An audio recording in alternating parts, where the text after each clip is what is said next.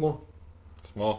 Smo v akciji. Smo. Uh, dober večer, lepo zdrav sem skupaj. Uh, nova oddaja Pivotiranje, čeprav smo že pri prvi obljubili, da bomo enkrat na dva tedna, smo jasno za voljo Evropskega prvenstva zadevo podvojili, ne? Uh, kar je v bistvu zelo dobro v košarki, vsaj navadno, razen ko govorimo o izgubljenih žogah. Danes prvič tudi z gostom, s košarkarjem, ki je bil na Evropskem prvenstvu in v Zagrebu in v Lilu in ki se je danes predstavil na nek način na novo ali pa na staro, vse vseeno v dresu Olimpije, ki je imela uh, predstavitev zasedbe za novo sezono. Luka, zdrav. Dobro večer, zdrav Mih. Damir, živijo. Čau. Živijo. In, in Gal, ki ima znova svoje zadožitve. Ja, upam, predvsem jih imate vi, gledalci, se pravi, zopet vas pozivamo komentarjem, vprašanjem, tako tukaj le zraven streama, v četu, kot tudi na Twitterju s hashtagom pivotiranje. Uh, se že vse poznate, tako da nekaj imamo, ampak pričakujemo še kaj, tako da uh, kar samo hrabro. Ja, hrabro, kot je Evropsko prvenstvo uh, končano. Ne? Na koncu mogoče presenetljivo, mogoče niti ne. Uh, Sveda bomo govorili večinoma o tem, ampak najprej, preden gremo do tega, kdo je bolj in kdo je manj zaslužen na, na prestolu, Luka, kako si ga ti doživel, kako si doživel praktično celotno dogajanje meseca in pol. Ja, definitivno zanimiva izkušnja. Sploh Zagreb je bil uh, neverjeten. Uh, lahko bi rekel, da smo se počutili kot doma.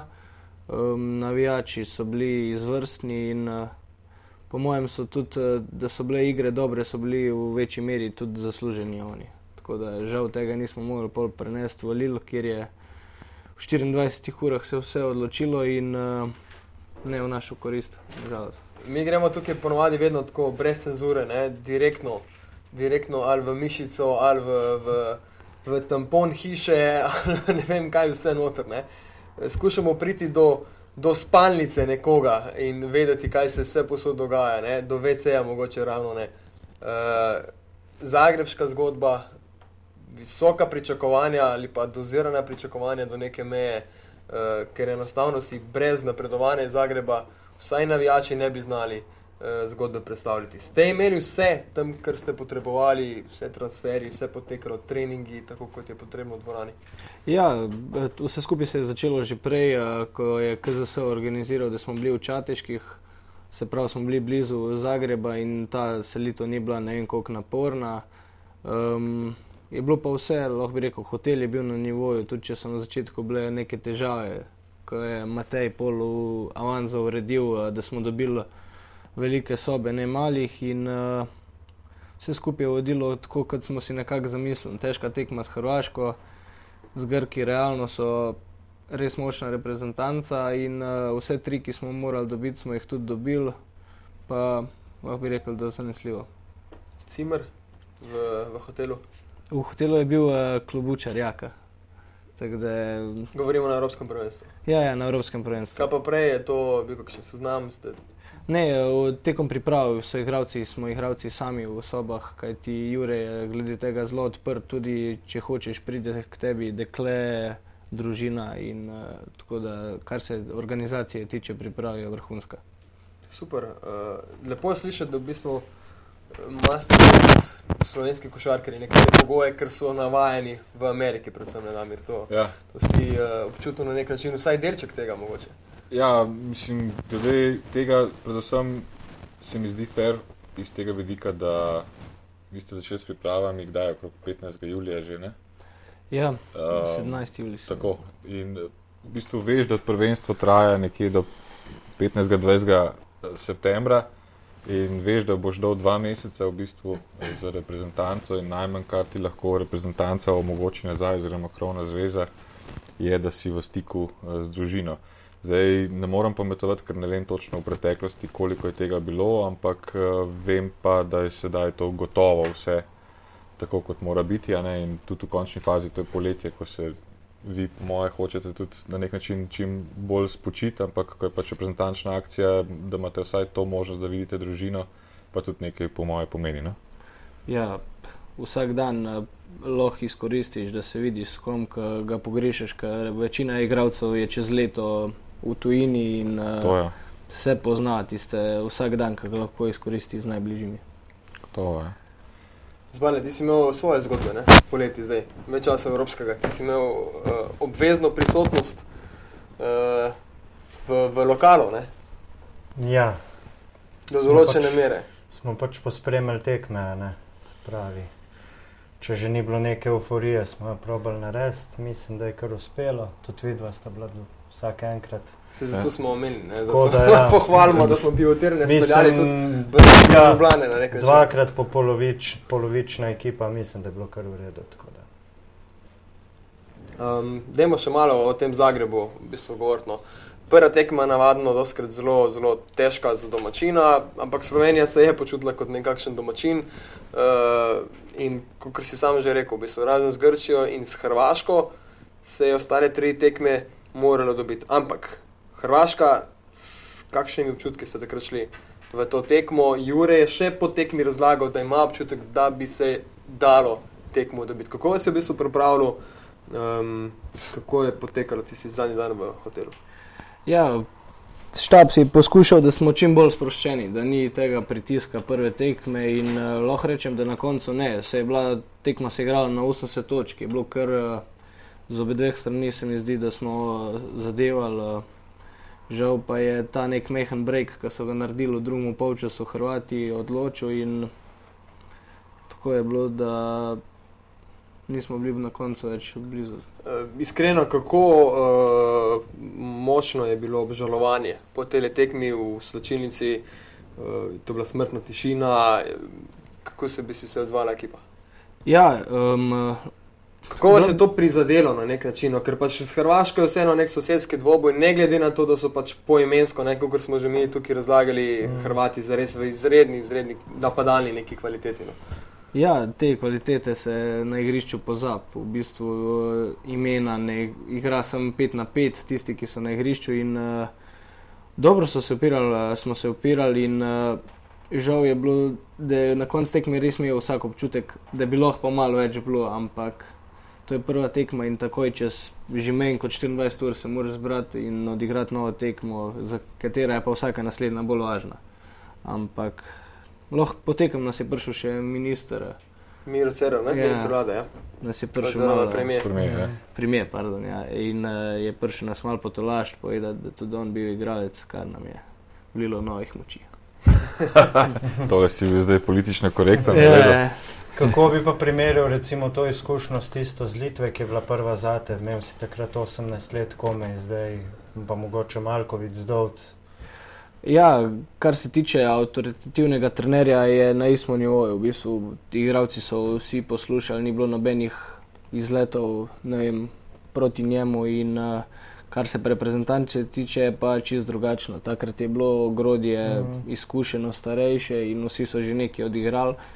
Kar je leta, je bilo pa vsi fanti, ki se poznamo že od mladih nog, ki smo skupaj bili po reprezentancah. In, uh, kar se tiče tega, se pravi, reprezentance je čisto druga zgodba. Je pa ta kult, ki se je ustvaril okrog reprezentance, mm. ostal pa isti. Pač nivo je pa visoko, kar se organizacije tiče. Ja, če se ne motim, si celo v Litvi igral malo več kot letos.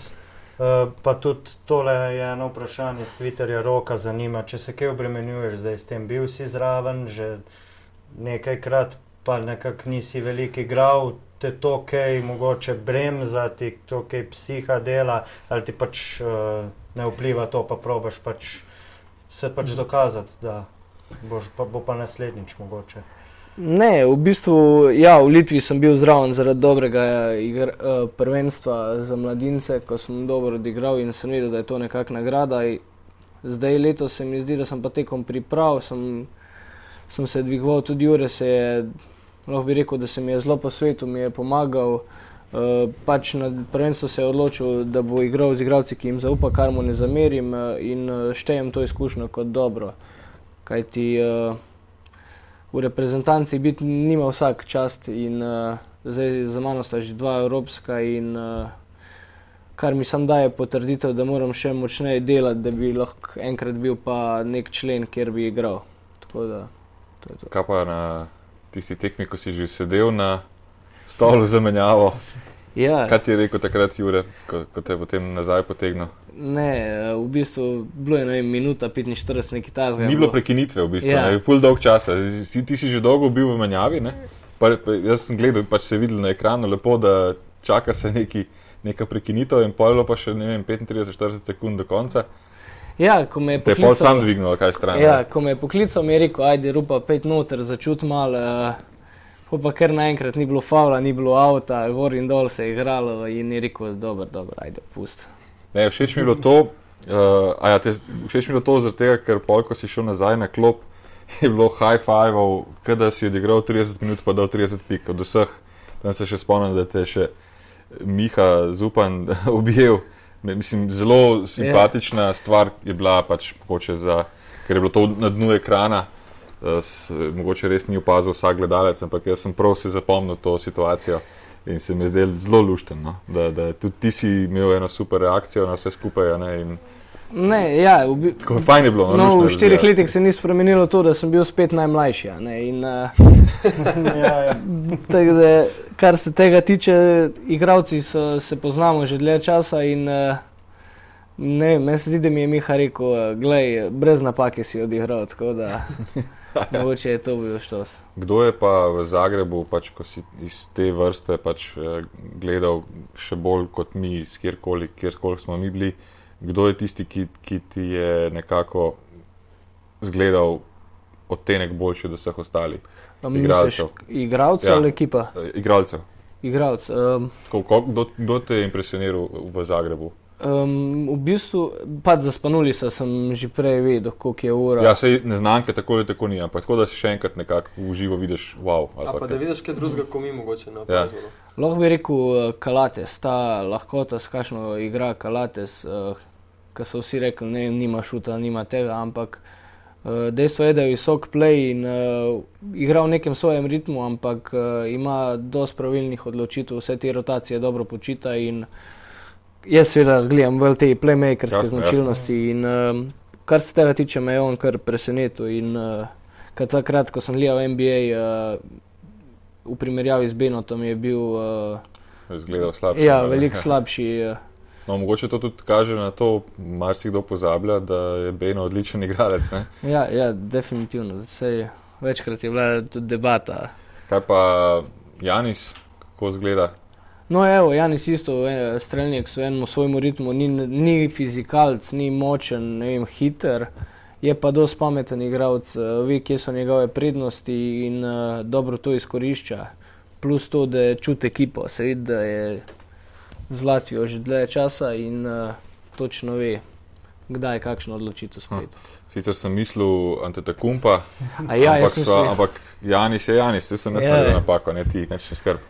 Eh, Kako A. zgleda, uh, res tako, kot, so, kot sem preberal marsikje v, Puščica. preko luže, da je enostavno, da ima nenormalno dolge krake in vse skupaj, tudi v živo tako nekako.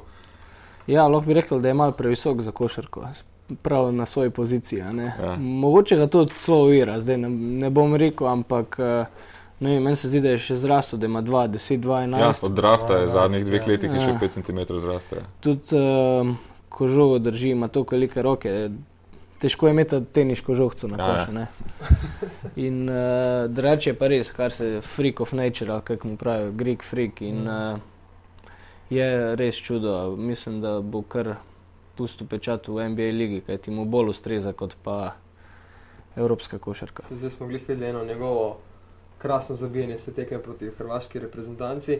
Um, ampak glede na to, da je zrasel zdaj, bo mislim, da to motoriko še pridobil ne, Ja, v naslednjih ja. sezonah in ima tukaj zagotovo še velike neke rezerve, ker sem vsej vsak, ki je visok preko 2 metra, 2 metra 10, fanti dobro vedo, kako je z motoriko na tisti višini ali pa, ali pa v bistvu pri tleh, kot smo mi. No. Ja. Da Ja. Meter 90, mislim, da nima nihče od nas treh, tako da. Ali pa tukaj nekje. No. Um, uh, La Monika, vam je spil kaj živco? Ja, eh, Zdaj se je namreč poslovno no, Ja. v tem prvenstvu. Tako da lahko govorimo. Karkoli hočemo, zato smo mi, mi smo lahko že prej, ne? Ja, ja. ti mogoče nisi mogel. ja, ne la Monika, star znanec, že spomnim, že iz U20 smo imeli par Tista s Francijo, tle v Stožcah, se nerešenih. Ampak s tem se je treba čim manj ukvarjati. Pač sodnik je v, ti, v svoji stroki med boljšimi in uh, ne moreš ugovarjati. Je pa dejstvo, da se tudi oni motijo in uh, moramo s tem živeti. Čeprav včasih težko ne.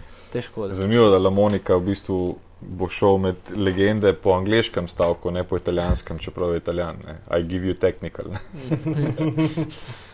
Uh, če primerjaš prejšnjo prvenstvo, ko si sodeloval, ali pa zdaj, kakšna razlika v sami organizaciji, razen tega, da je to bilo pač bistveno bliže tukaj, da ste vi lahko že brez vseh spali, oziroma čate že toliko prej. Ja, mislim, da je bilo veliko krajše zdaj to prvenstvo, vse skupaj. Takrat je bil sistem drugačen, si prišel iz skupine v še eno skupino in si še tam štiri tekme odigral in je bilo vse skupaj res dolgo, ne vem, skoraj tri tedne. Um, je pa, kar se navijačev tiče, je bilo tudi v Litvi kar do slovencev. Um, glede uh, samega sistema se mi zdi, da je pa zdaj mal bolj prijazen igralcem, kot je bil prej, ker prej je bilo pa res, ne vem, 12 tekem, vsake dva dni tekma, oziroma vsak dan tekma. In je kar utrujajoče vse skupaj, sploh za te reprezentance, ki imajo ta kader malo manjši. Kako si pa ti videl tisto ekspresno vožnjo potem? Ja, v bistvu transfer iz Zagreba v, v. Francijo. Ponedeljek. Dobro, sicer ste vi igrali ob treh, ne? Uh, niste bili, Ja. ja. recimo, zadnja, pa pred zadnja tekma. Sicer tudi Grki bi, mislim, da po prvem planu mogli iti ob enih po noči, pa so potem to prestavili na, na jutranje ure. Ampak vi ste šli verjetno potem v hotel, pogledali najbrž tam eno tekmo. Ja, dobili smo še, še s temi svojo družino. S, Ja, eh, Makedonija se je zmagala tekma, ok, vse po planu. Vse po planu, um, pol smo pa nekako spakirali in čakali na ta odhod, po pa ne vem, koliko je bila ura. Vem, da je bilo po noč, ko smo skupaj leteli s Hrvati in uh, stresno je, definitivno. Prideš tja ob 3-4 zjutraj, smo prišli v Lilo hotel in pol imaš že ta ritem, imaš malo uh, kako bi Porušen rekel, porušen. ja. Ja. Ja, ob, imeli smo pol fitness, smo imeli ob pol, pol enih, prej še zajtrk in nekako nimaš ta tempo dneva, nimaš Ja, glava Ja. ja. Ja. Pa še trening so nam dali zvečer ob 9, uh, 45 minutni in uh, pa že naslednji dan ob 12 tekmah, kar je v bistvu spet čist neka diverzija tega, kar si navaden. Si občutil, da je um, v bistvu nogometni stadion spremenjen v dvorano košarkarsko ali se to ni občutilo? Je, se je občutilo, ker eh, z vseh strani piha tam, to, to je tako velika uh, dvorana in uh, je dosti mrzla, ampak uh, je pa res lepo narejena. V bistvu sploh ne vidiš do gor, ker je tako visok. Visok, ja. In, uh, Kaj pa ob 12. igrati tekmo? Matineja, to si, se, to si verjetno na zadnje igral, ko si bil še mlajši, starejši pionir. Ne? Ja, ja, pač te igralci iz Španije vedo, to Uroš Slokar je večkrat Ja, ja, povedal. za kosilo igrajo. Ne? Za ta branč, dobro se najejte, ne preveč, te nasvete je dal in uh, zgleda, da enim ugaja, enim ne, nam žal ni. Ja. Ni, ni ugajalo niti meni, ko sem doma mogel gledati. ja, kaj šele vam ne. Ja. E, jaz bi še samo na Zagrebu um, se vrnil samo še na eno stvar. Uh, si bil kje blizu, uh, nekako sem dobil par informacij, da je bilo kar hudo, ko, se, ko, je, ko je bilo konc tekme proti Makedoniji, da je bilo v vladu Ilijevskem zelo hudo. Ali ste kje to si bil zraven, je bilo res tako, ali ker se Je- pač poslavljalo od reprezentance. Ne? Ja, na igrišču se mi zdi že pač celom teke, eh, celom, uh, pardon, celotne tekme je vlado se je videlo, da ima to energijo, da si želi. Um, mi smo bili pač boljša reprezentanca in uh, na koncu, po koncu tekme mu je bilo kar hudo, se mi zdi, da se je prav zjokal, pač iskreno je. To je bilo njegovo slovo, um, želel si je še ne enega večjega rezultata in lahko mu sem čestitam za res lepo kariero, pač vse skupaj je kronal takrat v Litvi, um, klubsko pa itak še nadaljeval. Ja. V končni fazi sem vprašal, ja. Ja. Ko sem vprašal, tega, ker verjetno je vseeno vlada malo tudi posvojen tukaj v Sloveniji ne, in mogoče tudi koga to uh, zanimalo. Ja. Zdaj pa jaz bi mogoče vseeno, kot si ti rekel prej, spalnica, meso, mišice in tako naprej. Kaj je bilo, kaj se je zgodilo? Jaz bom povedal najprej mogoče za istočnico, kam, kam pelem zadevo iz svojega vidika, Miha me boš popravil, če karkoli bluzim. Um, na, na, iz, na televiziji se je videlo, da, da niste vi vi. Enostavno um, tega nisem mogel izustiti, ampak ne vem, kako bi drugače rekel, da se ne bi toliko borili, kot ste se v Zagrebu borili. Pa vem, da ste se. Ja. Ampak nekako počasen, malo počasnega posnetka je izgledalo. Je to varalost, je bilo kaj drugače, kot se je videlo. Enostavno, ni- kot da bi po avtu šaltal, pa ne gre v tretjo, pa ne gre, pa je pokvarjen menjalnik. Ja, morda se je čutil ta mal manjko energije, zdaj eh, to je lahko posledica skupek vseh teh faktorjev, ki smo jih že prej našteli. Um, pa čutilo se je, da je nekako eh, smo čakali ta break, da bi Ja, prelomili vse. Ja. Pa ga ni Ker eh, je bil v zraku, stalno so, tudi Latvijci so falili dosti odprtih šutov. Um, nam ni uspelo, pa Zoran se je pač res je imel dober dan, ni imel pa pomoči od ostalih igralcev. Ampak če že pri tem lahko rečem, najhuje je bilo pol v garderobu vsem igralcem, ki se čuti ta razočaranje. Ne vem, žal. Mislim, ja, Grenko, verjetno, glede na to, da je Latvija bila v rangu reprezentanc, ki se jih je dalo premagati. Ne. Sicer se je izgubilo z njimi proti, tudi že na uh, pripravljalnem obračunu v, v Latviji, ampak vseeno, uh, verjetno bi tudi vi lažje sprejeli, če bi izpadli proti vem, Španiji, Srbiji, Franciji ali pa komorkoli drugemu. Ne. Ne vem, s kakšno idejo, s kakšnim odnosom pa ste šli v tole, v tole tekmo? Ja, maksimalno zauzeto. Večina teh igralcev, sploh š, eh, nismo še nikoli bili v taki poziciji, da bi igrali tako tekmo, in uh, morda je tudi to presodilo. Lahko lahko tudi to, recimo, da smo si nek, na nek način želeli Latvije, pa ne Litve. Ja. Pff, Ne vem, na koncu koncev ena tekma je 40 minut in če nisi ta prav, nisi Ja, najboljši. ne. to je, to je Ja. dejstvo. Ne? Ker tudi Hrva, uh, Srbija je čakala to neko mini serijo dveh, treh minut uh, v, v polfinalu. Ne? Pa ni bilo, ja. Ja. Ja, tudi niso uspeli Ja, dobiti ja, in so zato. ravno tako veljali za recimo, nekoga, ki bi naj šel preko te Ja, ja. elitve. Ne? No, sej, namen tega je bil predvsem, da, da, da približamo gledalcem, poslušalcem, kaj se dogaja v glavah. Ne. Zdaj, mi smo z raznimi analizami, težkimi in procent meta in skoki, ne vem kaj, to smo že vse zdavni zaključili, ampak eh, ni, ni božjega sogovornika kot nekoga, ki je v bistvu v ekipi, ki je dihal z njo, kaj se je tukaj dogajalo, to poskušamo malo izvleči iz tebe. Vem tudi, da ti zdaj to ni glih najboljša tema na svetu, Ja. ampak vseeno tako v tem smislu.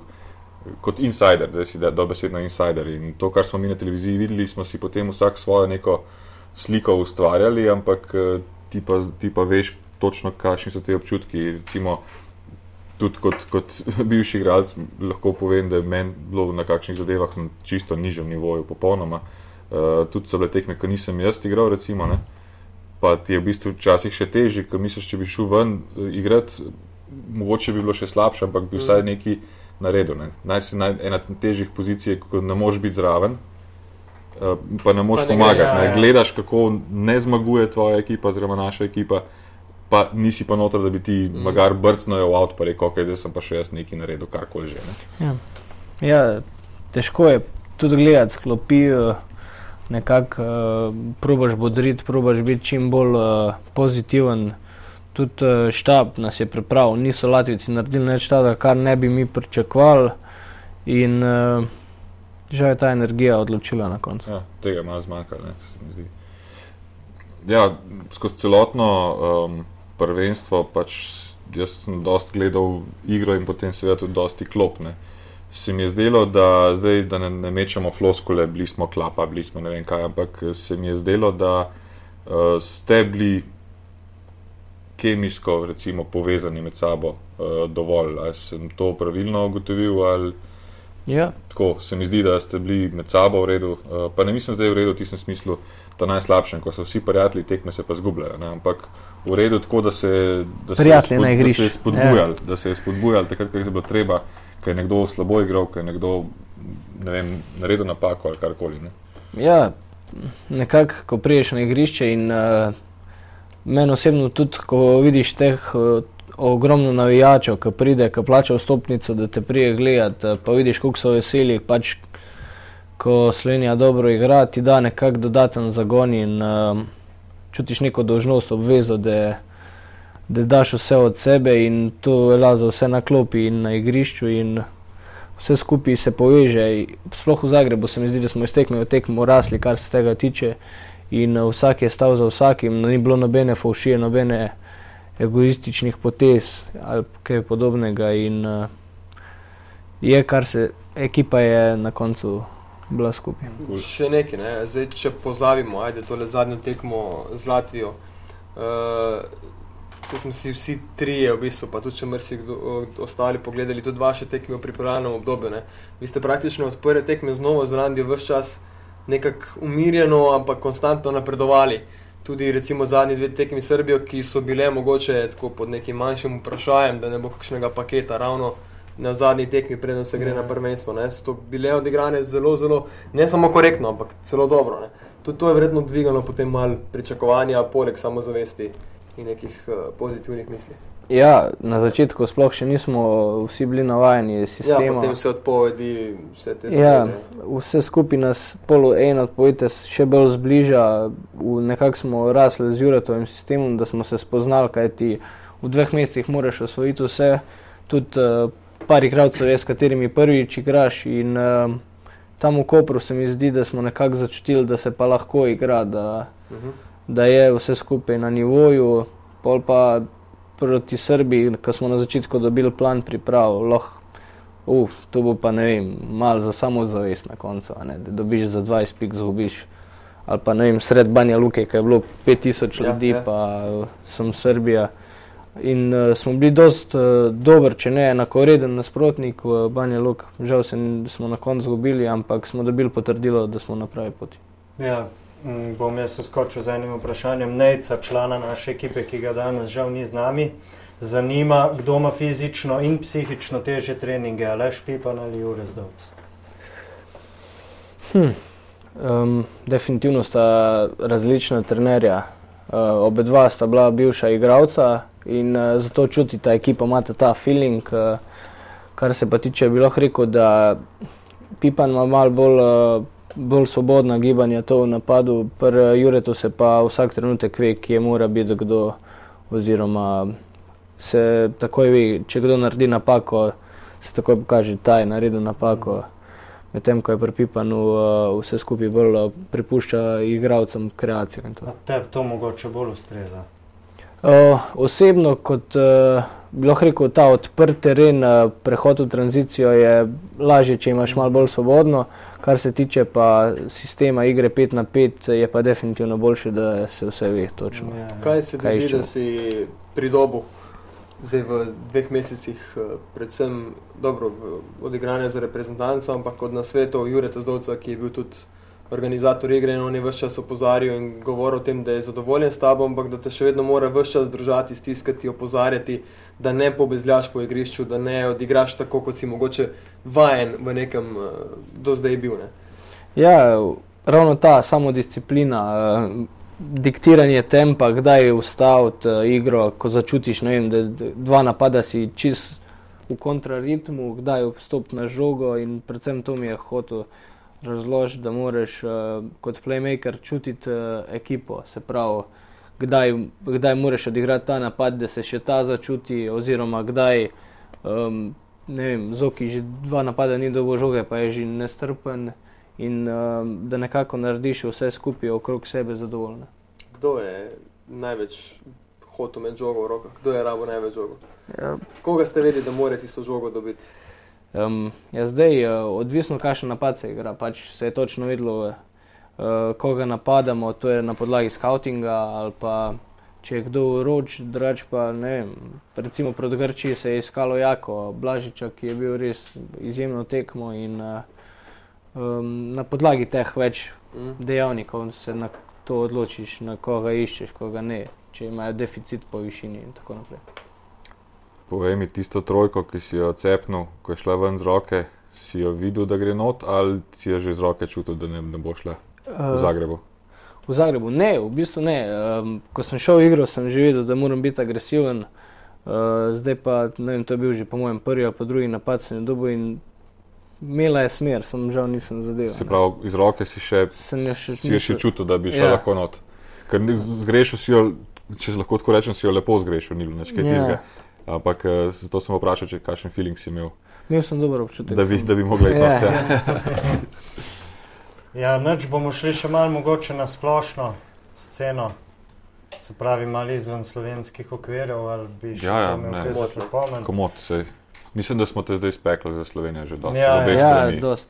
Če pa smo kaj pozabili, pa lahko poveš. Ja, ja, saj, če se bom spomnil. Zdaj, ko so se formirale te pari osmine finala, pa je bilo jasno, kdo s kom igra, smo nekako vsi pričakovali finale. Srbija na eni strani, ne, sploh po tistih tekmah v pretekmovanju, pa na drugi, verjeten Francija. Ne, na koncu je pa Ja, izkazal, nisem, da sem ja, Grčijo. ali pa Grčija. Ja. Ne. Na koncu je pa izkazal, da je Španija se nekako dvignila, sicer z nenormalnim gasolom, to je bilo že mal, že v igrici ne moreš tega delati, kar je on delal na momente.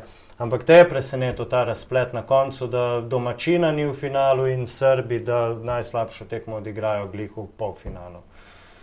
Ja, Srbom se je zgodilo to, da je bil mogoče ta pritisk na finale, da so imeli prosto pot do finala mal prevelik, kar po drugi strani, eh, ko sem si ogledal to eh, osmino finala Francija, Turčija, sem bil prepričan, da bo Francija na krilih navijačev in eh, teh individualnih sposobnosti prišla do finala. Ampak ja, se je zgodil gasola. Ne? Tako da Indeks mislim, da je imel 52 na Ja. ja. tisti tekmi, 40 točk, 11 skokov in 11 siljenih faulov.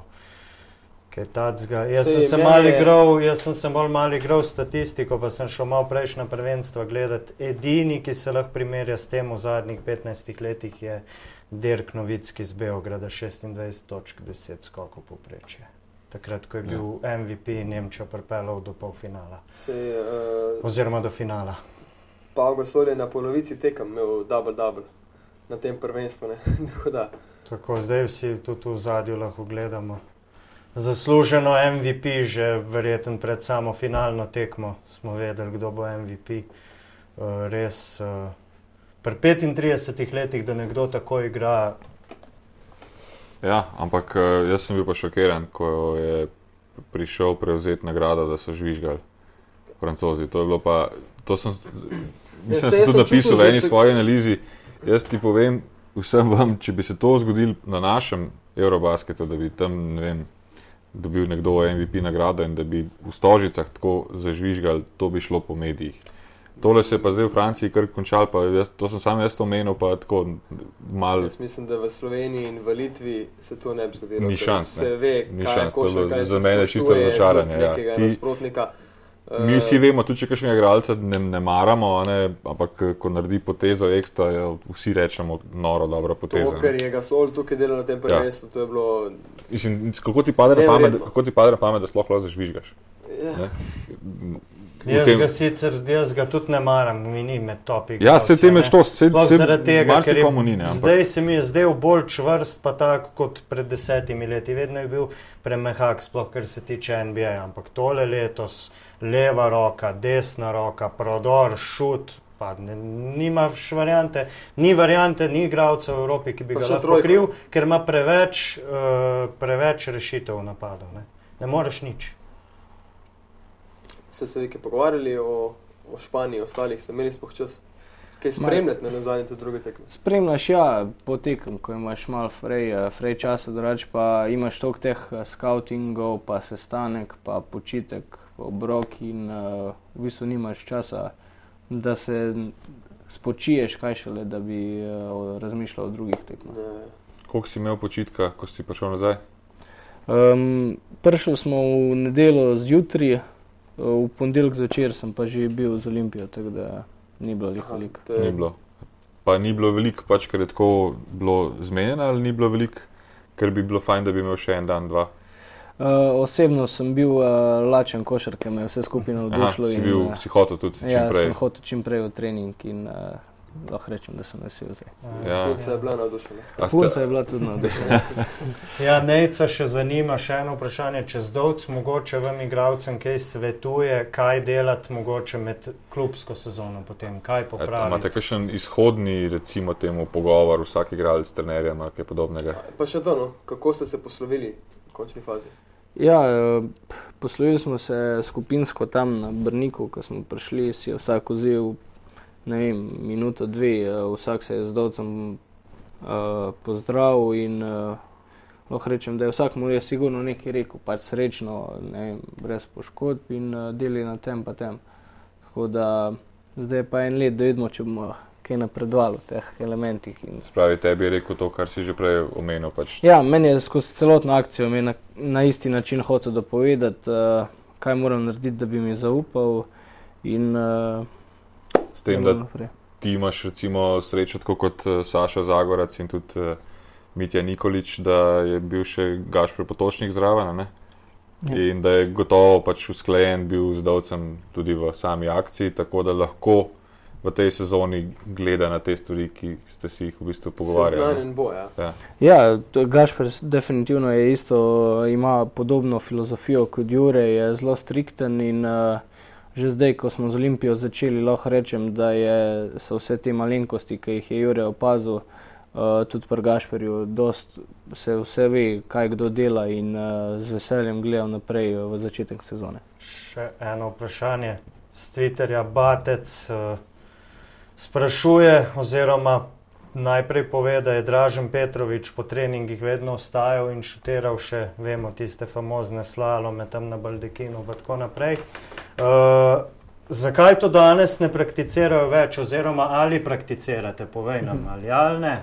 Ja, glej, eh, kar se tega tiče, lahko recimo zdaj, če smo že pri reprezentanci, uh, vsakič po treningu, ne vem, od 12 igralcev, nas je sigurno vsaj 80 v parih ostalo in še štiralo. Um, ne vem, še doktor Macura je vračal žoge.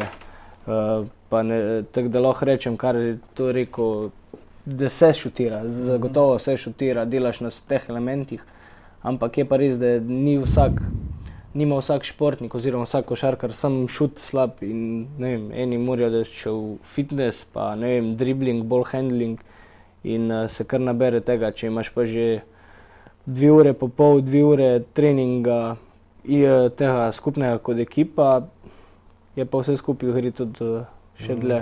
Kje pa pol, mogoče vidiš pol razloge, da ni to pol tako evidentno, da so prosti meti doskrat mal slabši, se ne na tem prvenstvu, mislim, da so bili kar v nekih realnih okvirih. Ja, umestno vprašanje, kdo je bil najboljši izvajalec prostih metov naše ekipe na tem prvenstvu? Ne, po procentu. Lahko, presenetil me je Alen, a je Omič. Omič je 11-10 je metal. Ja, drugač pa ja, zdaj nočem nobenih uh, kreditov oziroma zaslug za nazaj imati, ampak igra se definitivno drugačna košarka, kot se je pred leti. Vse je na veliko višjem nivoju in uh, vse se hitreje odvija, hitrejša fizika, igra, fizika. fizika no vem, v telo se gre vse in eh, vse skupaj pripelje do tega, da so procenti nižji. Če bi pogledal vem, 20 let nazaj, se mi zdi, da so vsi procenti nižji povprečje kot pa. Ja, pri prostih, uh, definitivno. Ne. Je pa pač uh, še zmeraj prosti. Mislim, da si ti to tudi sam stokrat videl, slišal. Prosti so še zmeraj psiha. psiha. Ja. Še kaj bi mene zanimalo, ne? ker doskrat se smo tudi mi tukaj razglabljali o tem, uh, zakaj se praktično teh metov iz pol razdalje velikrat več ne uporablja. No? Spoh v zadnjih letih je to skoraj da pozabljeno v košarki, se pravi playmakeri, enke, dvojke, večinoma na trojki šut za tri pike ali pa nek prodor do konca in potem bodi si asistenca na centra, na vzven ali pa na, na, na obroč. Na faune. Zdaj, mi smo neke vse možne variante, neke analize že v naših oddajah uh, prej počeli, Eh, prišli do razno raznih zaključkov, predvsem navadno smo se zaustavili, če se dobro spomnim, pa me boste popravili, da je predvsem fizika imela tukaj odločilno vlogo, ker so pač spoh ti ameriški playmakeri, tudi vi ste v Olimpiji zdaj dobili Zeka Wrighta, ki mm. lahko zabije to žogo z neko določeno silo. Ne? Uh, prinesi do tazga načina, načina košarke. Zmago Sage je enkrat dejal, da je, to, da je košarka stvar navade. Eh, to, kar se nekdo nauči. Ampak uh, tukaj se mi zdi, da je neka taka mrtva cona, ki jo dobro izkorišča, recimo Beno Udrih v, ja. v MBL. Ja, lih uh, z Jakatom, z Blažičem so se enkrat pogovarjali, kdo je najboljši ta midrange shooter. Ja. Pa sem samo menil, da to, kar ima Beno procente iz pol razdalje, da je res visok procent. Zdaj pa, če se vrnem na tisto, kar si prej rekel. Um, ja, pol razdalja. Vprašanje je, kako obramba brani pick and roll. Zdaj imaš v recimo 80-90% napadov se poslužuje pick and rolla in eh, če ima en, nekdo filozofijo, da izkače, se pravi, da se center visoko pokaže, pol eh, enostavno po razdalji ne moreš dobiti. Največkrat pa je pol razdalja mogoča s- pri teh visokih centrih, kar pa v NBA je definitivno je, so vsi visoki in igrajo deep drop, kar pomeni, da so v raketi in imaš playmaker oziroma dvojka, trojka ima veliko več prostora, da prije na ta mid-range in šutne. Zdaj v Evropi je pa vse skupaj toliko pomaganja, toliko vsega, da je definitivno manj uh, Težje. možnosti. za- Smo tudi videli zdajle v pogled zadju, kako suvereno Beno to zadeva. Ne, super, Eden da imamo redkih, še en no. pogled, ne, ker Res. pač mi si lahko do določene mere nekaj predstavimo, ampak da si ti v bistvu iz prakse to prenesel. Ja, in, in ja drugače pa se strinjam, ta pol razdalja je zelo pomembna. Meni osebno recimo. Tudi zdaj- kakšna pol kontra, 3 na Ja. 2, 4 na 3, kaj podobno. Ta, že tri leta zdaj sodelujem z Luko Basinom in on, on mi stalno mi po, ponavlja, uh, bodi agresiv na teh pick and rollih, pol distanca, glej ta hiter short roll in uh, lahko rečem, da se dela na tem, definitivno. Sigurno je tista druga zgodba malo bolj atraktivna, mogoče. Ne? Na, na, Ja. Igra na dobroče, mala Nedovič. Uh, ampak dve piki sta pa dve piki končni fazi. Ja, čeprav jaz sem to prebral, ko smo, mislim, da smo enkrat že omenjali. Um, Američani so šli tako daleč, da so enostavno ugotovili, da se jim matematika. Se splača, če Ja. ja. se jim tri pike. Ja, to smo že razgledali. Ja. matematika v bistvu pride do tega, da ne, ne samo da je tri več kot dve, kar vemo, ampak da odstotek meta in ni toliko nižji iz, Ja, glede na iz dve, ne vem, šestih točke. metrov Ja, ali ja. pa iz sedmih metrov. Ne, in da potem se pač bolj fokusirajo na to. Je pa, mislim, jaz osebno, da je to najprej fizika, ki se je popolnoma spremenila do te mere, da so tudi igralci sposobni, no, prej smo ravno govorili o Greek Freaku, ne. Imamo žakar, ki je sposoben v štirih korakih prijeti iz sredine do polaganja. Ne? Kar pomeni, da se ta črta, ta midrange, Mm. v bistvu Se izgubi, ja. zgubi popolnoma. Ne? Kaj imaš rajš, ko vadaš? Šut ali ball handling? Um, Kaj ti je bolj zabavno? Bolj zabavno mi je, recimo, da mi je šut bolj zabaven. da. Bolj handling je kar uh, zelo zahtevno zavaditi. Sploh, če nimaš to nekako že od mehkih nog prerejeno, je težko dobiti. Šut pa lahko izpopolnjuješ leta. Ja, še eno vprašanje s Twitterja, bom kar skočil. Uh, a reprezentanca uporablja zdaj psihologa ali pa, pa mogoče kakšno imaš eh, ti izkušnje, če si kdaj delal s psihologom, jer ne je zanima. Ja, že od, eh, ne vem, od mladincev naprej je bil na voljo psiholog. Že ko smo bili mlajši v reprezentanci, eh, smo imeli tudi ta skupinska srečanja in uh, individualna, se pravi, to zdaj že nekaj let prakticira KZS. In, uh, bil je z nami Aleš Vičič, uh, ki je že v prejšnjih letih z Olimpijo sodeloval s Mhm. Sagadinom. Leta nazaj. Ja. Ja, Leta nazaj. Je, jaz, ko Leta sem, ko nazaj. sem bil jaz na Olimpiji, je on bil, jaz sem bil pri uh, kadetih, on je bil pa takrat pri članih. In je prav takrat je bil predstavljen in tudi je bil kot nekaj svežega v košarki v Sloveniji. In mi je prav veselje, da se je obdržal kot strokovnjak vsa ta leta. Ne. Ne, res uh, fajn fant uh, oziroma mož uh, in uh, nam je pomagal. Sploh, uh, kar se tiče rutine prostih metov, lahko rečem, da še zdaj uporabljam to, kar uh, mi je on svetoval. Je to skrivnost? Ja, lahko Ne, lahko povem, recimo on v, zelo da poudarek na napetost v ramenih. Mhm. In ne vem, uh, če pogledaš, vz, reče, vzem si ritual, vzem si koliko driblingov, recimo narediš, uh, zmeri naredi dva globoka vdiha, da priješ v normalno fazo in sprosti ramena. Ta padec ramen, kajti večina teh kratkih šutov iz penala je, ko si zakrčen, oziroma ja. ko si skusil pod pritiskom, pod pulzom, pa nisi dovolj sproščen. Tako da, kar Ta se dva, ta dva uh, izdiha gledamo zelo izražena pri Teodosiču, se Ja, tukaj. On se je evo, isto, če se umiri zraven, se še malo počese, ampak Ja. ja. je, je definitivno ta dva vzdiha je, sta zelo pomembna. Je, je Miloš tvoj prvi izbor na poziciji ena v Evropi, v Euroligi oziroma v Evropi? Imaš svojega drugega, ljubšega, recimo. Lahko rečem, da Miloš je najbolj talentiran playmaker eh, v Evropi. eh, Sam osebno pa še raje gledam uh, Rodrigueza. Čača. Ja. Ja. Zato, ker eh, ima po konstituciji, pa na- po načinu mi je bolj podoben in veliko velik tekem pregledam od njega.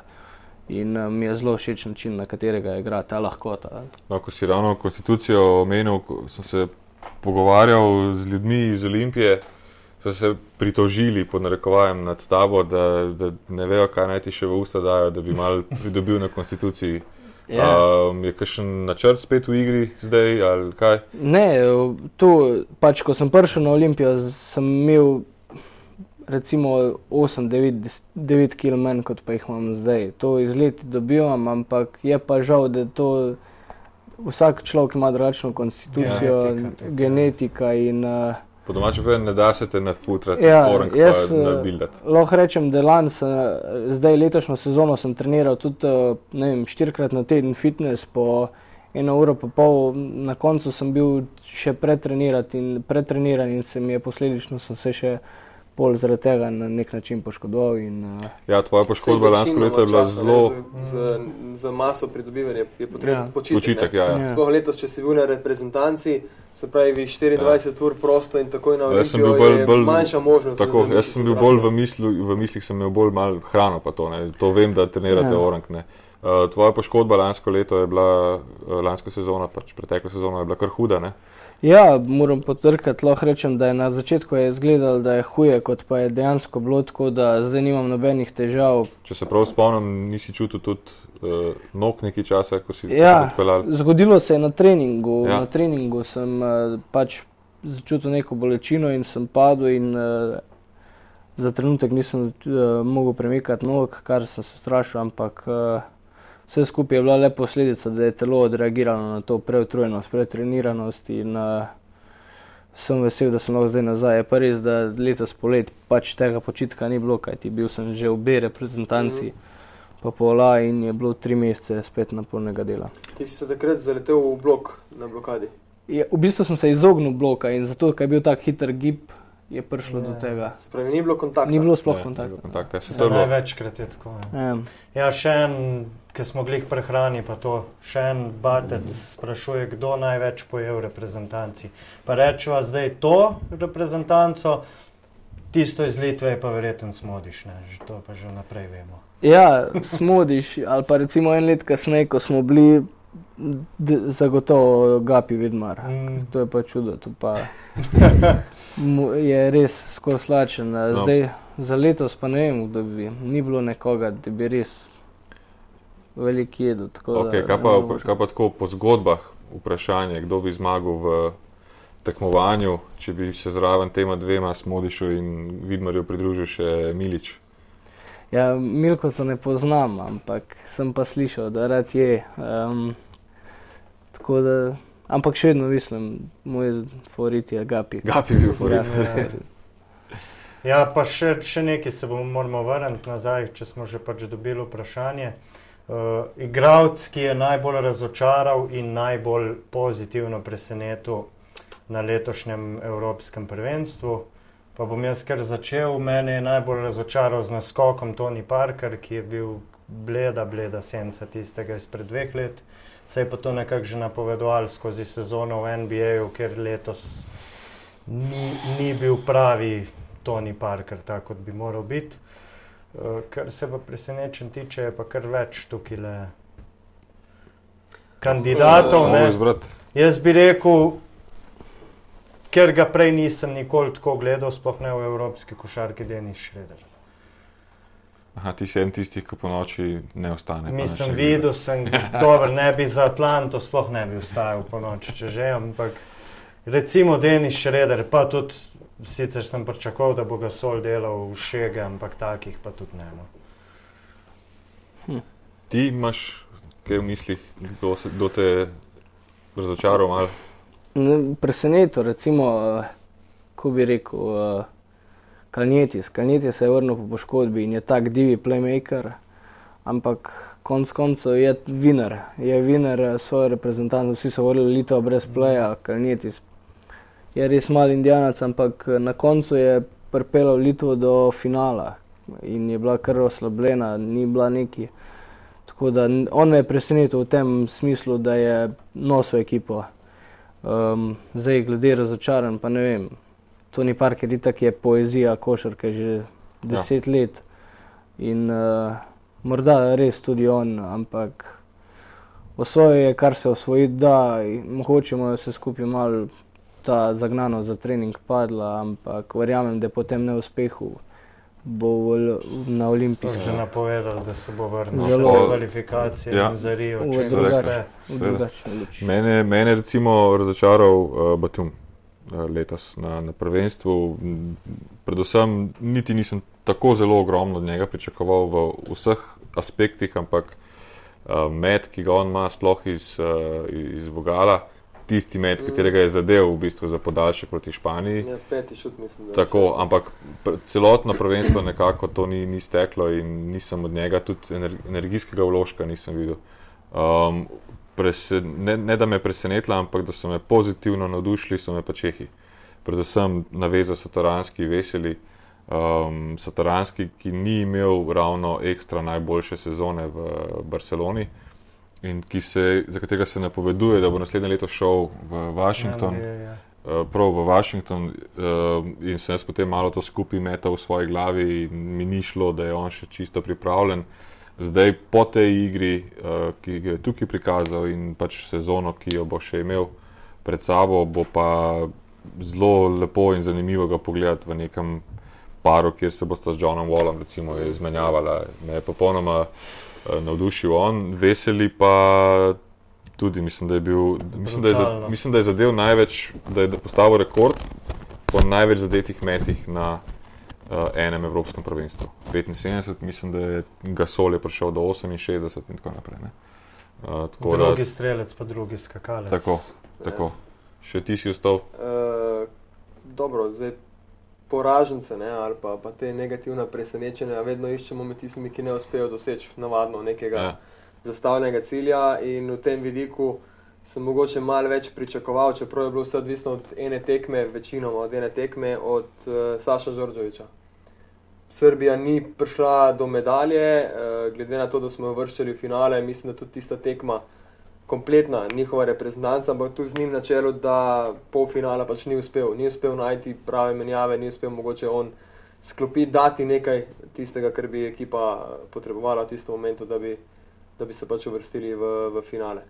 Uh, kot nek košarkar, ki je pa mogoče izstopil iz neke sence, je pa Nando Dekolo pri Franciji, ki je mislim, da odigra eno zelo dobro ali pa celo odlično prvenstvo ob tem, da je sicer ob sebi imel mogoče ne tako prepoznavnega parkerja kot v preteklih sezonah. No. In izkoristil v bistvu to parkerjevo drugo brzino. Ja. Pa če smo že pri tem, se strinjamo z izbiro idealne peterke. Se pravi, dva litovca, dva španca in pa dekolo. Meni se tukaj zdi, da bi Bjelica moral dobiti recimo prednost pred Mačulisom, pa tudi Sergio Rodriguez je pokazal na dveh, treh tekmah nekaj, ampak bi se tudi mogoče najdlo. Jaz bi mogoče tukaj koga. drugače povedal, da, da tudi vemo, zakaj, zakaj mogoče se ne strinja veliko ljudi s to izbiro. Uh, večina evropskih prvenstv do zdaj se je igrala, da je bilo 16 ekip v štartu. Ne? Zdaj zadnje, zadnja evropska prvenstva se igrajo, da je 24 Mhm. mm. ekip. Ko, so igrali, ko, ko, se, ko je igralo 16 ekip, ne, je bila skoraj v bistvu logika, da so lahko v prvo, prvo peterko prišli samo igralci ekip, ki so bili vsaj v polfinalu. Ja.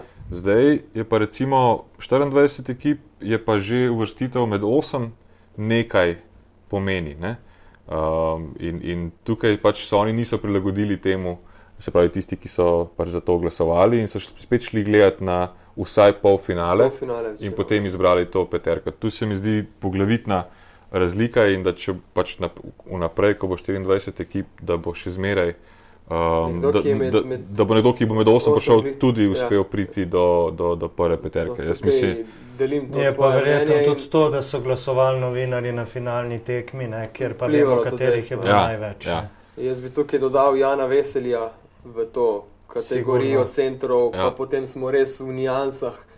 Se pravi, če bi bili mi selektori, ne, kao selektori, bi potem res samo od ideje, koga bi pač raje videli v tej peterki. Ne. no, naj, največ se je omenjal, se je omenjal dejansko veseli, uh, so se omenjali, pardon, veseli, satoranski, pa galinari.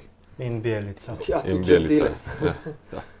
Zdaj smo že razširili, ker No, ampak ja, dobro, itak, To so it- tisti itak to ne moramo honorable rešiti. mention Ne. Ja, ja, tako honorable mention, točno to je. evo. Da ne So se pa zdaj- Srbi danes razhodili ne, v medijih, eh, češ, Ker da ni Teodosiča. niti Teodosiča, niti Belice. Ni Ja, Teodosič, ja. gled, tudi na Final Fouru Eurolige. Ne, Na njega, pač pri njemu ni dileme, nje, on si po moje ne zasluži Belica, pa po drugi strani odločuje či- tekmo. Čisto tako, ne. Bil je Tudi če bi najboljši. Srbija igrala v finalu, ne, pa bi Teodosič pač bil mogoče zaradi tega še na malo boljših delnicah. Pau Gasol igra naprej in igra nazaj. Igra neverjetno v napadu, sam je v bistvu v polfinalu reševal Španijo, je pripeljal. Z, v obrambi pa pač deli še blokade, zapira vse te zadeve, ker pač spadajo zraven. Miloš se v bistvu v obrambi kar došlepa. Zdaj, ti si verjetno Luka še malo bolj tu pozoren, ampak meni se zdi, da on igra vse čas na vrhu v obrambi, da vse prevzema, ne glede na to, kdo pride v njegovo v njegovo Špekulira polje. dosti. Mislim, da se invertira Dosti še tele obrambi. No, zdaj, ja. uh, se mi zdi, no, da, da je to Ja. izmed variant. Tudi ko je Srbija, ko so se jaz in ti pogovarjala, uh, Gal, ko je, ko je imel težave Radulica z osebnimi napakami in so potem igrali še z dvema štiricama, z Ercegom in uh, Bjelico, smo se pogovarjali, da bo zelo težko uh, na eni strani imeli Teodosiča, ki v obrambi špekulira in potem še vsi delali za centra. Eh, Na Valenčunu so v obrambi, ker dve štirici pač ne morejo se Ne. fizično postaviti Ja. proti njemu. No, samo- Zaradi tega. No. Za Pavga so pa ne rabi pomoči, ne Tako, rabijo v tako. obrambi, ne rabijo v napadu. Z- Samo recimo taktična postavitev Litve uh, proti Srbiji je bila meni uh, fenomenalna. Um, v bistvu v napadu so igrali prav na njega, da je moral on se truditi v obrambi. V obrambi so mu dali pa višjega igralca Milaknisa, da ga je pokrival, ki načeloma ni zadolžen za pokrivanje plejev. Se pravi, Kalnetisa so dali stran od njega Ja. da se ni z njim celotno tekmo bodil in izgubljal energijo. In so mu dali visokega igralca, da ga krije. V napadu so igrali pa toliko akcij, ki so morali iti na igralca, ki ga on pokriva, da so ga enostavno utrudili. Dej, povej še tvojo peterko ali pa pač te. Peterko. Ja, pač veseli s- bi bil eden izmed teh, če lahko. Pol Mačulis, Mačulis je imel dobro prvenstvo. je Tam... Ful je dvignil šut za tri pike. On ne vem, koliko je imel tisti indeks, uh, kaj je isto imel. in 50. 50, ja. Isto ne Je dal 34 točk. Ja. Se Ja. mislim, da je imel trojko, ono kako 60 postov celo na, na prvenstvu, 59, kar je pač vrhunsko. ja. Ja, se pravi, Mačulis, Veseli, eh, Gasol, itak. Pa, kot si rekel, Dekolo je isto vlekel v Francijo, zdaj pa ne vem, še enega, se pravi, štirka bi bil pa Bjelica. moje. Bjelica se zaslužka, je lahko all around je. Tako da. Prej, ti bi imel dva centra, pa še Belico. Ja, Veseli, Gasol, Bjel- Belica, ja, Mačulis. Belica ti lahko igra trojko. Kako Ne, gledaš, sej- če boš dejansko z tega neko lahko ekipo, ki bi centrov, da ne bo, funkcionirala, Ja, ne bo, ja, ja, ja. ne bo težave. Ja. Um, mogoče, da se približujemo koncu reprezentančne zadeve in Eurobasketa, pa da kakšno besedo še o Olimpiji rečemo. Um, koliko, ste, koliko ste selektorju živcev pojedli na splošno? Ker Ja. na nekaterih tekmah je, se mi je zdelo, da ne samo ta famozna njegova simpatična obrva, ampak na splošno, da, da, da bo iz kože skočil. Ja, mislim, da že dolgo ni, kot je rekel, ni imel take ekipe, kjer je se lahko veliko dela, veliko trenira, po drugi strani imaš pa veliko igralcev, ki niso navajeni po tirnicah hita, ne, sploh Zoki, Blažo, ne vem, tudi P- Klemen Prepelič, to je, vsak ima neko svojo vizijo in je vse skupaj res težko sestaviti v celoto, kar pa nam je na koncu tudi uspevalo. Z vsemi napori, z vsemi atomi, ampak je. No, Včasih je izgledalo, kot da ste ga fejst utrudili, vi njega. Da, ja. Zanimivo. No, zdaj si se vrnil pač nazaj. Uh, danes je bila tudi tiskovna konferenca. Ja, tukaj le v zadju bomo imeli slike, pa da povem, da se ja, čez manj kot dva tedna že štarta Aba Liga. ne. Ja, Ja, Tako da uh, neke velike pauze ne bo. Kako si mogoče zdaj začutil ekipo, recimo, kot si jo lahko? ja, eh, nova ekipa. Z baljem makni uro, če ne boš izpad. Eh, nova ekipa, zdaj, eh, jaz sem tle zdaj že četrto leto, daleč največ od vseh, eh, razen ne vem, Hrovat pa Mahkovic sta še tle drugo leto, ostalo je vse novo in eh, nek nov zagon. In, eh, Mislim, da bo vse skupaj dobro izpadlo. Tudi trenerski štab je garaško usmerjen in uh, bo pa pred nami kar težka sezona. Ne. Predvsem uh, je v bistvu, da vrnemo domov naslov in uh, upam, da se bo to zgodilo. E, oprosti, Kar, kar. Uh, Damir. Zadnji dve sezoni, ali pa tudi tri, ne, pa mislim, da je Memi celo lani to še najbolj izpostavil.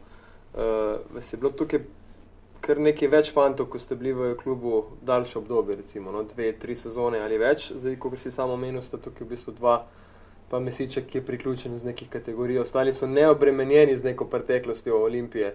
Uh, Memi je lani rekel, ko so zagledali tablo Novo mesto, so, spočili, so spustili hlače ne, na avtobusu. Ne.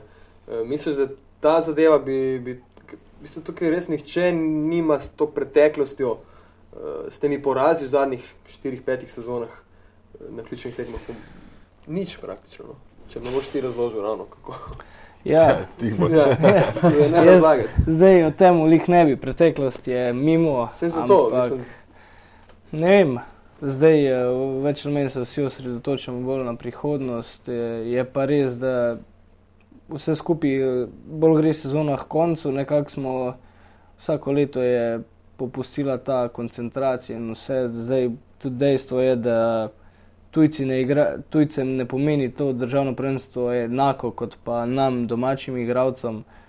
Uh, vnema pa, da vsi si želijo čim prej domov, in američanka je deset mesecev z doma. je, In uh, se nabere vseh teh uh, negativnih posledic, pol še malo nesreče, pride slab dan in se hitro zgodi izpad, kar pa zdaj mislim, da je že čas, da to, te otroške bolezni prebolimo in da se vrne nazaj kanto.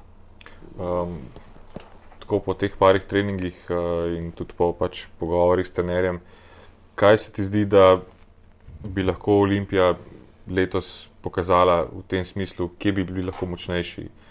To pač, vemo, da je trener rekel, da se kaže, da je centimetrov včasih malo premalo za to novo ekipo, ampak tako, a, a se to. Bo to ekstremno obrambno naravnana ekipa, bo to tranzicijsko močna ekipa, kako si ti to zdaj začutil nekako? Ja, zaenkrat uh, zdaj popolne slike še nimam. Uh, mislim, da je Gašper uh, malo že vse skupaj sestavljeno, kako bomo izgledali. Je pa se mi zdi bolj napadalna ekipa, kot pa obrambno naravnana. Um, mislim, da bomo igrali lepo košarko, malo atipično, z- kajti naši visoki igralci bodo metali za črte tri, za tri točke. Um, Zdaj je res, da je določen manjko centimetrov, ampak po drugi strani pa težko bo tudi, uh, recimo, žigati v dimcu, uh, Braniti to. Ne? braniti Tako. vse te pike in pope, pa uh, letati za našimi gibljivimi centri in uh, bo zanimiva sezona. Upam pa, da bomo na koncu mi veseli. prihajajo ti prvi skupni treningi, pravzaprav, no? Mhm. ko boste zbrani vsi. Uh, poreč potem tudi turnir proti Arisu, prva tekma. Uh, ste se že kaj pogovarjali o tem? Um, Zaenkrat toliko teh novih informacij, eh, se vsi skupaj lovimo, da se čim prej uigramo. In uh, te tekme si bodo zdaj sledile, dobrodošlo, da vsak nekako začuti, uh, kako si je trener zamislil, kakšne bojo rotacije. Um, predvsem pa se moramo spoznati, uh, da ne bo potem, kajti 1. oktober bo zdaj Mhm. in uh, takrat moramo biti pravi, že doma v Stožicah proti Skopju. Ja, sigurno. Zbale, Twittosfera, splet, smo še Ja, nekaj spustili, imaš še Mislim, kaj da, pripravljenega? mi, mis, mislim, da ne. Sem še zanimivosti imamo pa za na koncu, ki jih imam pa malo več kot ponavadi. In sicer začnemo, kaj? Ja, in sicer začnemo z bradatim možem, ki je takole poziral z, z zlato kolajno po včerajšnji zmagi. Sergio Dr- Rodriguez osvojil je, mislim, da zdaj le, kar se klubske pa reprezentančne košarke tiče, vse letos, ne, Euroligo in še tole. Si razmišljal o takem imidžu? Ja. Ja. Že košarkarsko gledaš njega. Ne zdaj že en mesec nisem bril, pa nikamor ne gre. tako da Mislim, da je težko. Tako. Uh, tudi Sergio Ljul je objavil enega selfija iz slačilnice, mislim, da s celo ekipo po zmagi. No, zanimivo je, da se na sliki Rudi Fernandez lepo prepognil, ne, po Ja. poškodbi se pa ni je tudi mogel. mrežico ravno Ja, ja. Ja, prerezal, tako da. ja, no, tist, tist, tista osebna napaka mislim, da ni obstajala. Zdaj, če sem Ne, osebne napake ni bilo, ampak glede na grimaso, Ne, ne, se ni vse ga izmišljeval. poznamo. Čak, sej, imamo tukaj direktno vprašanje ne, iz prakse. To se ti kar fajn zabliska, verjetno, ko se naletiš na enega res oren hrusta. Ja, sploh če se glih, glih obrneš, Glih, pa ga ja. še nisi videl. v bistvu, Ja, ne. ti naštela ta vretenca, ampak eh, je neprijetno. Zato pa je tako pomembna ta komunikacija med, med igravci, zaupanje, da do tega ti načeloma moraš iti na polno, ne? zdaj Ja. greš z njim gor ali pa pač od spodaj. Zdaj, če ne paziti. Ja, ampak gledaj, to, to so ta tveganja. da Recimo v Beogradu ne boš nikoli slišal, pazi blok čez celo, čez celo igrišče. Ja. In- Ja, Zdaj, ravno ko si to omenil, prej sem se spomnil, ko si rekel, sem že štiri leta tukaj. Ne? Um, si v bistvu igral z najdaljšim stažem trenutno uh, na Olimpiji. Um, vokalno boš, boš močen letos. Boš, eh, imaš to vse poštimano, dogovorjeno, uh, da, da, da se razume. Pač, ti si že po poziciji general na igrišču, ne? pač organizator igre, ampak zdaj si lahko tudi vzameš po stažu to pa si rečeš, ne tako, takole. Ne? Ja, lahko rečem, da ti novi igravci gledajo na to nekako, da imam že izkušnje večkrat se obrnejo na mene, kako pa kaj deluje v Olimpiji. Tudi, uh, recimo, ko smo se dogovarjali za podaljšanje pogodbe, mi je uh, direktor uh, Mateuš mi je rekel, naj poskrbim, da bo garderoba v redu, ampak mislim, da imamo res dobre karakterje in da ne bo nobenih problemov. Tako da, ja, zdaj, kar se tiče vloge, je pa na igrišču definitivno, kadar bom na parketu, eh, moraš biti ta floor general, ko reče američani, eh, na poziciji playmakerja. Um, bomo povedali, kako bo trener vse skupaj razporedil. To to. tako gremo še malo naprej. Drugač pa sem zlobne jezike prebral na en komentar na Twitterju, da je Rudi dobil tisto, kar je iskal Ja. zadnjih deset let. Ne. Tako Da, Zdaj v Španiji so danes že pozdravili MVP-ja, Pava Gasola, takole na sprejemu. Sicer najbrž je manj ljudi, kot bi jih bilo v Srbiji, če bi Srbija osvojila, ampak vseeno. ja, gled, je mogel iti pa v Srbijo, ne? Ja. Ja. pač pokazati na Um, svoje. Pa takole, Primož Brezec je včeraj napovedal plus 20 točk za Španijo, ne, pred finalno tekmo. v In se gladko zmotil. ne. Ja, ni bil tako daleč. Ne. Uh, takole, Breza je itak v bistvu standardni gost te rubrike. Medtem so pa v Španiji a ne dva slovenska reprezentanta dobila nov klub in so jih že predstavili. Tu- Tule je Jaka Blažič, ki bo v naslednjih treh sezonah nosil dres uh, Laborala Kuče. Uh, Luka, ti si vedel, da bo zigral za, za basket že 3-4 dni preden je zgodba prišla uradno v javnost. Ja, z Jako sva dobro prijatelja že dolgo nazaj, eh, še iz časov, ko so skupaj na Slovanu igrala. Takrat naprej so nerazdružljiva in eh, res sem vesel, kaj ti si zasluži, je igralec, ki res uh, živi za košarko in uh, mislim, da ima še dobro pot pred seboj. In, in Velimira Perasoviča v Tav Ceramiki oziroma Laboral Kuči in Majka Jamesa na pleju, tako da to bo kar. Ja, to je lahko za zanimivost, lahko povem. eh, Ko, je, ko je prvi trening opravil, mi je napisal, uh, joj, rupa, kva bi dal, da, bi si, da si ti z mano na pleju, tleh igram z dvema Westbrookoma. Ja, ja. Adams in uh, James. ne? Ja, Ja, ja. Ja, no, medtem je pa tudi uh, Alen Omič opravil zdravniške teste Evo na ga. Gran Canariji. Izbral Takole. številko 23, Ja. To pa nisem Si- pričakoval, da si bo izbral številko 23. si ogledal tekmo španskega nogometnega prvenstva skupaj s Asujem Salinom in pa fizioterapeutom Gregorjem Zdolškom. Ko, eh, vprašanje, koliko misliš, da bo um, Alen Omič časa preživel točno ob Sasuju Salinu? Do, mislim, prav fizično, da bo zraven njega hodil Ja, ja, na razen, začetku. razen noči bo kar večji, večji del, se mi zdi. Sasu in Alen sta dobra prijatelja, tako da mislim, da bo tudi to en izmed teh razlogov. Ma pa, ali mislim, da je tudi dovolj prostora tam, da se lahko saso preseli k njemu. Ja, ja. Ker se ne razumemo, ima več kot eno sobo. tako Da, Ne, ker sem tudi slišal nekje, da, da je um, Alen rekel, preden je šel, pač ne, da zdaj vse ni nobenega problema, ker je tako, tako saso dol. Da, ja. Ja. da bo noben. Tako pa še za konec ena zanimivost srpskega kolega Koste, ki je obrazložil nekaj glede sofa skorcanitisa, da dnevno spije pet, med 15 in 20 litrov vode. To je pa kar brutalen podatek. Koliko pa ti recimo, Luka, popiješ? ja, kar se tiče. Ja, zdaj še ni več dve uri, že Ja. odkar Ja, ja, ja. Ampak se že ne. tukaj. Ne? Že, že to, da imaš dva treninga, računi to je že 2 litra, 2 litra pa pol, to je že 5 litrov, zdaj pa še, če Ja, redno skrbi za hidracijo, vsaj še 3-4 litre, tako da prije na 10 litrov, sigurno. Na kakšni kilaži si zdaj tukaj? Ja, trenutno sem zdaj, lik dan smo imeli vaganje, imam ne vem, 80 pa pol kg. Se pravi, A to si se vagil v supergah? Ne, čisto Okej, to naš kondicijski skrbi, ne smeš ga opati, polovica sofota Ja, iz ja. najboljših let. tako da smo tam nekje na Ja, 15, pol 20. polne, 10-20 litrov. Um, imate zdaj že nekaj časa, ampak eh, je mogoče vsako sezono bolj strogo, kar se tiče uh, prehranjevanja. Vas kaj kontrolirajo v klubu, tudi reprezentanci sem prepričan, da ja, ampak v klubu.